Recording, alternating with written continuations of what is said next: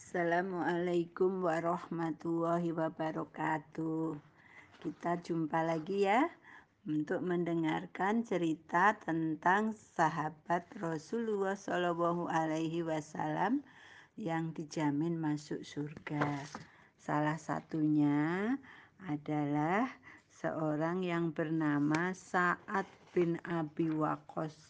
Siapa beliau? Sa'ad bin Abi Waqqas ini nama aslinya adalah Sa'ad bin Malik bin Uhaib bin Abdi Manaf al-Quraisy. Beliau ini termasuk paman Rasulullah Shallallahu Alaihi Wasallam karena kakeknya uh, Uhaib adalah paman dari ibunda Rasulullah yaitu Aminah. Awal mulanya masuk Islam, Eh, saat berkata, tiga hari sebelum aku masuk Islam, aku bermimpi. Di dalam mimpi itu aku ada dalam ruangan yang sangat gelap sekali. Ketika aku berusaha berjalan dalam kegelapan, aku pun melihat sebuah cahaya yang terang benderang. Aku mendatangi cahaya tersebut. Ternyata di ruangan itu sudah ada Zaid bin Haritsah Ali bin Abu Thalib dan Abu Bakar As-Siddiq. Eh, aku berkata kepada mereka, "Sejak kapan kalian berada di sini?" Mereka menjawab, "Kami baru saja di sini." Pagi harinya, ketika aku terbangun dari tidurku, eh, ini ceritanya saat bin Abi Waqqas ya. Eh, aku mendengar bahwa Rasulullah Shallallahu Alaihi Wasallam mengajak orang-orang untuk masuk Islam secara sembunyi-sembunyi. Nah, pada saat itulah aku menyadari bahwa Allah telah menghendaki kebaikan pada diriku. Dari mimpiku itu, aku keluar dari kegelapan menuju kepada cahaya Islam. Aku pun segera menemui Rasulullah di perkampungan Jizat ketika beliau sedang sholat asar. Aku langsung masuk dan mengucapkan persaksian atau syahadat. Asyhadu alla ilaha illallah wa asyhadu anna Muhammadan abduhu wa rasuluh. Waktu itu aku berumur 17 tahun. Saat berumur 17 tahun. Uh, ketika saat sudah masuk Islam, Ibunya tahu. Ibunya marah besar. Padahal aku ini anak yang sangat sayang kepada ibu. Ibuku datang menemuiku. Wahai saat kamu telah memeluk agama ini dan meninggalkan agama ayah ibumu. Nah, demi Allah, kamu harus meninggalkan agama ini. Saya tidak akan makan dan tidak akan minum sampai aku mati. Kamu pasti sedih, kamu pasti menyesal karena telah masuk agama ini dan semua orang akan menyalahkanmu. Aku berkata, jangan seperti itu ibu. Aku tidak akan meninggalkan agamaku yang baru ini, apa pun yang terjadi. Kemudian ibuku tetap menjalankan ancamannya. Ia tidak makan dan tidak minum berhari-hari berlalu tetap nggak mau makan dan nggak mau minum sehingga tubuhnya bertambah kurus dan lemah. Meskipun demikian, aku tetap menemuinya setiap saat karena aku sayang kepada ibuku. Aku berkata kepadanya, "Wahai ibuku, makanlah walau hanya sesuap atau minumlah walaupun hanya seteguk." Namun ibuku tetap tidak mau dan menolak tawaranku dengan keras. Dia bersumpah tidak akan makan dan minum. Wah, bagaimana ya?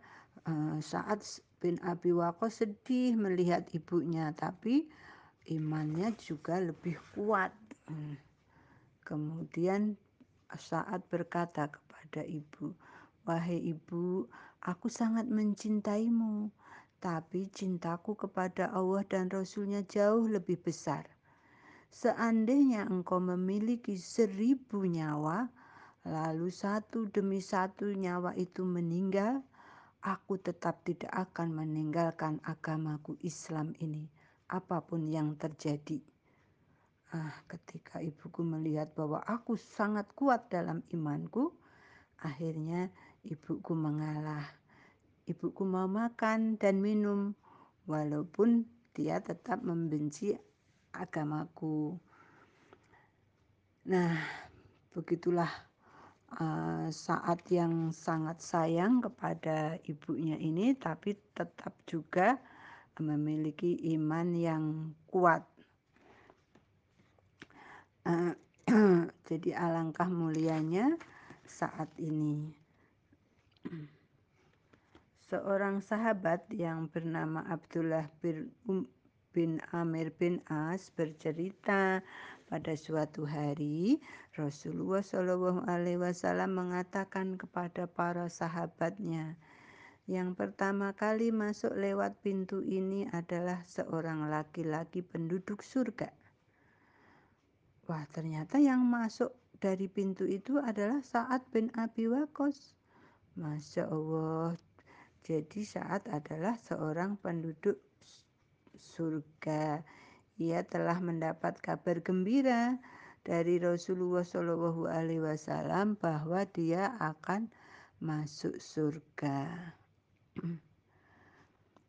Eh, saat sangat mencintai Rasul, ia banyak belajar Islam, Al-Quran, akhlak langsung dari Rasul. Rasul juga sangat mencintai saat. Aisyah, istri Aisyah radhiyallahu anha, istri Rasulullah bercerita, pada suatu hari Rasulullah sakit dan beliau berkata, seandainya adalah salah seorang lelaki soleh, solih dari para sahabatku, ada yang menjagaku malam ini. Kemudian kami mendengar suara senjata. Rasulullah bertanya, suara apa ini? Saat bin Abi Waqqas berkata, saya ya Rasul, saya datang untuk menjagamu. Rasulullah pun tidur dengan nyenyak hingga saat mendengar dengkulannya. Uh, pada tahun 8 Hijriah, Rasulullah menaklukkan kota Mekah. Namun saat itu, saat bin Abi Waqqas sedang sakit hingga tidak bisa bangun dari tempat tidurnya. Rasul pun menjenguk saat dan memegang keningnya, lalu mengusap muka dan perutnya dengan tangan beliau yang penuh keberkahan. Rasulullah mendoakan saat dengan mengatakan, Ya Allah, sembuhkanlah saat dan sempurnakan hijrahnya. Akhirnya saat sembuh dan diberi umur yang panjang oleh Allah.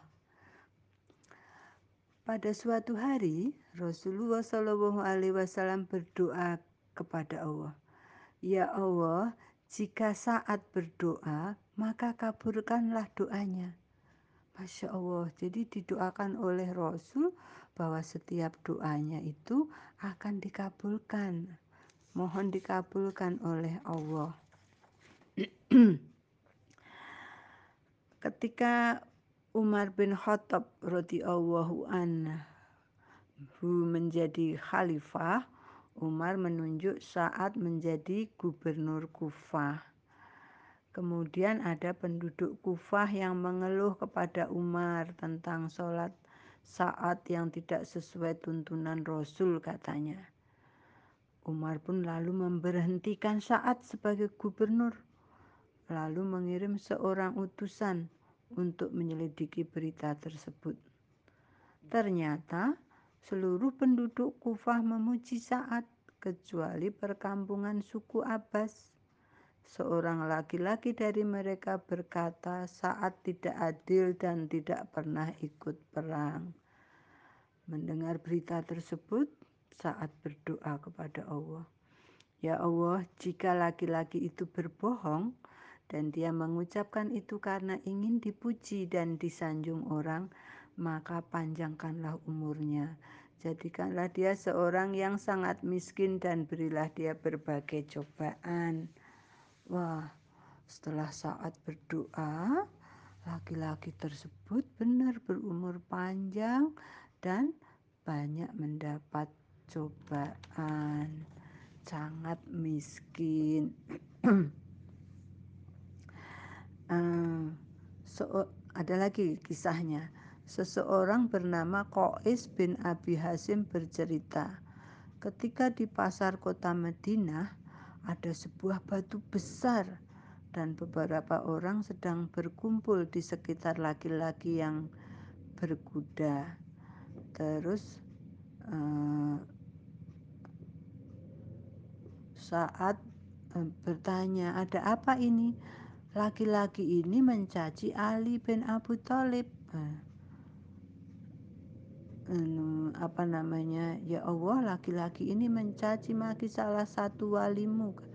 Doa saat Janganlah engkau jadikan kumpulan orang ini pergi kecuali engkau tunjukkan kekuasaanmu. Masya Allah kemudian laki-laki yang eh, tidak baik itu tadi terjatuh dan kepalanya menimpa batu lalu meninggal. Ada lagi kisah tentang doa saat yang tersebar ke seluruh penduduk Madinah.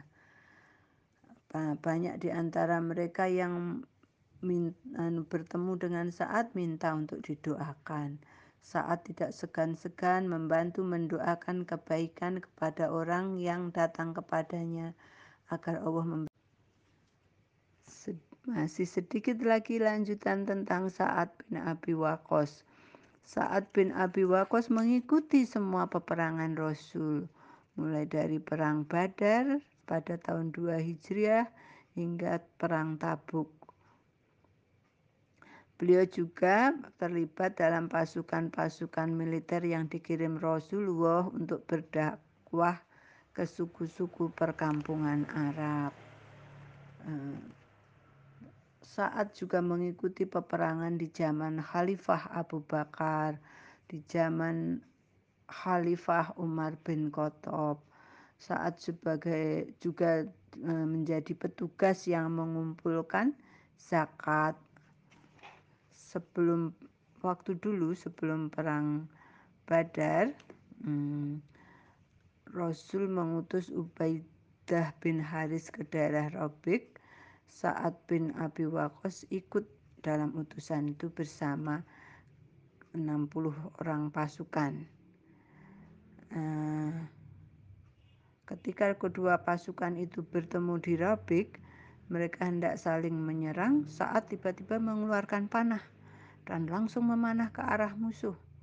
Nah, itulah dengan demikian saat bin Abi Waqqas adalah orang yang pertama melempar panah ke musuh Islam. Pada saat perang Badar, saat mengajak adiknya yang baru berusia 13 tahun. Namanya Umar adiknya itu. Padahal dilarang oleh Rasul untuk ikut perang. Tapi saat dan adiknya memaksa. Akhirnya diizinkan. Dan Umar pun mati syahid. Saat ketika perang Uhud bersama Tolhah melindungi dan menjaga Rasulullah Shallallahu Alaihi Wasallam dari serangan musuh. Pada perang Uhud, saat juga melihat apa namanya malaikat yang melindungi Rasulullah. Pada waktu perang Uhud, saya melihat Rasulullah bersama dua orang laki-laki Keduanya melindungi dan membunuh musuh beliau. Kedua laki-laki itu berbaju putih dan saya tidak pernah melihatnya. Kemudian ketika Khalifah Umar bin Khattab pada tahun ke-13 Hijriah saat ditunjuk menjadi komandan perang untuk melawan pasukan Persia selama tiga hari atas izin Allah saat dan pasukannya berhasil mengalahkan mereka. Perang ini dikenal dengan nama Perang Kodisia. Nah, kemudian eh, apa namanya setelah saat menang dalam Perang Kodisia, Umar memerintahkan untuk menyerang pusat kerajaan Persia yang berada di Madain di negeri Irak. Kemudian saat pergi bersama tentaranya ke sana. Setibanya di sana ternyata harus menyeberangi sungai untuk sampai ke kota itu. Nah, kemudian saat pun menyeberangi sungai Dijlah dengan ribuan tentara berkuda. Raja Persia yang melihat itu dari kejauhan merasa sangat ketakutan. Dia berkata, "Kita tidak berperang dengan manusia ini, kita berperang dengan jin." Nah, saat akhirnya menang, berperang tan menang tanpa berperang, karena mereka sudah ketakutan. Di masa tuanya, saat mengalami kebutaan dan uh, dia berpesan agar ketika uh, nanti meninggal dipakaikan baju yang dulu dipakai ketika perang Badar. Saat wafat di kota Madinah, jenazahnya disolati oleh seluruh sahabat dan dan istri-istri Rasul saat dimakamkan di kuburan bagi di Madinah. Semoga Allah Subhanahu wa taala meridhoi Sa'ad bin Abi Waqqas. Nah, itulah kisah Sa'ad bin Abi Waqqas.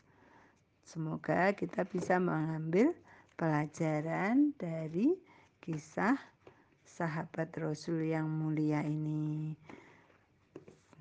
Alhamdulillah. Assalamualaikum warahmatullahi wabarakatuh.